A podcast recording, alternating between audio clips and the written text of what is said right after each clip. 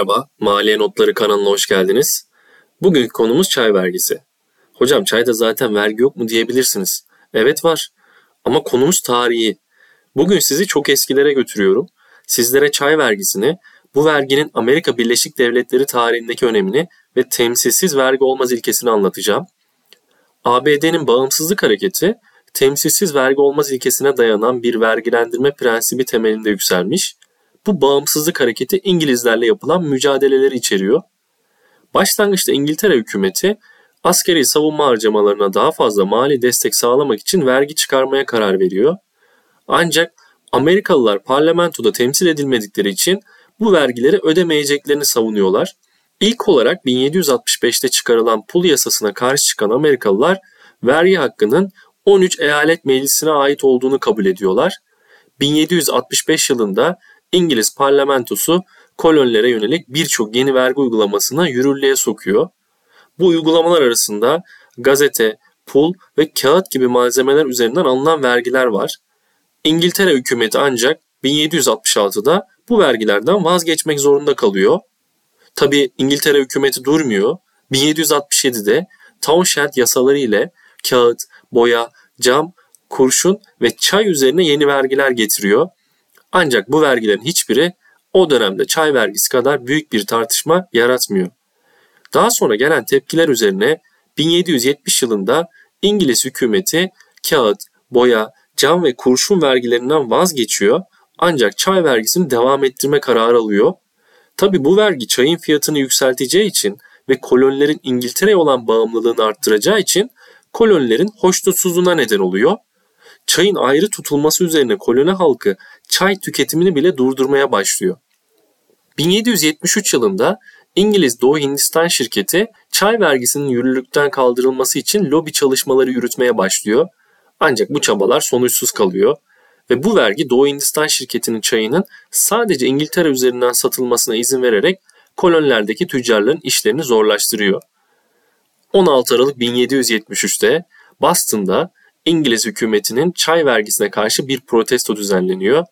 Boston limanına İngiliz gemilerinden biri yanaşıyor. İlginçtir ki bir grup Amerikalı Kızılderili kılığında 3 İngiliz gemisine biniyor ve çayları denize boşaltıyor. Tabii ki bu kişiler İngiliz yetkililerin onları teşhis etmesini istememişti. Yerliler Kızılderili kıyafetlerini herhangi bir kültürel veya sembolik önemi nedeniyle değil, pratik bir kılık değiştirme aracı olarak giymişlerdi. Bu da onların İngiliz hükümet tarafından tanınmadan ve cezalandırılmadan protestolarını gerçekleştirmelerine yardımcı olmuştu. Ancak bu olay İngiliz hükümetinin Amerikan kolonilerine daha sert bir tutum almasına neden oluyor. İngilizler bunun üzerine giderek daha sert politikalar izlemeye başlıyor. İngilizler denize dökülen çayların parasının ödenmesi, Boston limanının kapanması, yeni ve daha ağır vergilerin konmasına kadar bir dizi tedbire başvuruyor. Amerikalı koloniler ise özgürlüklerinin giderek kısıtlanması karşısında 1774 yılının Eylül ve Ekim aylarında Philadelphia'da toplanıp bir ordunun kurulması ve İngilizlere karşı ticari yaptırımlara gidilmesi kararlarını alıyorlar. Bütün bu çatışmaların ardından İngiliz sömürgeciliğine karşı genel bir isyan ve 1775-1776 Amerikan Bağımsızlık Savaşı başlıyor. Bu savaş Amerikan Bağımsızlık Savaşı olarak bilinir. 1776 yılında da bağımsızlık bildirgesi kabul ve ilan edilerek koloniler İngiltere'den ayrılıyor. Ve bugün 4 Temmuz 1776 tarihi Amerika Birleşik Devletleri'nin kuruluş tarihi olarak tarihte yerini almış oluyor. Tabi Çay Partisi olayı günümüzde bile hala etkisini sürdürüyor. Örneğin 2019 yılında Kadınlar Dünya Kupası futbol maçında ABD ve İngiltere karşı karşıya gelmişti ve ABD maçtan 2-1 galibiyetle ayrılmıştı. O maçta gol atan Alex Morgan gol sonrası sevincini çay içme sevinciyle yapınca ortalık bir anda ayağa kalktı. Hatta İngilizler bu hareketi saygısızca olduğunu bile söylediler. Amerikalılar ise bu gol sevincini memnuniyetle karşılamıştı. Örneğin Hillary Clinton bu sevinç sonrası o çayı hak ettiğiniz için tebrikler finale şeklinde bir tweet bile atmıştı. Bir haber kanalı ise bir başka çay partisi şeklinde manşetlemişti bu galibiyeti. Yani o gol sevincinin tarihsel anlamı vardı. Anlaşılacağı üzere yüzyıllar önce gerçekleşen bir olay bile günümüzde hala etkisini sürdürüyor.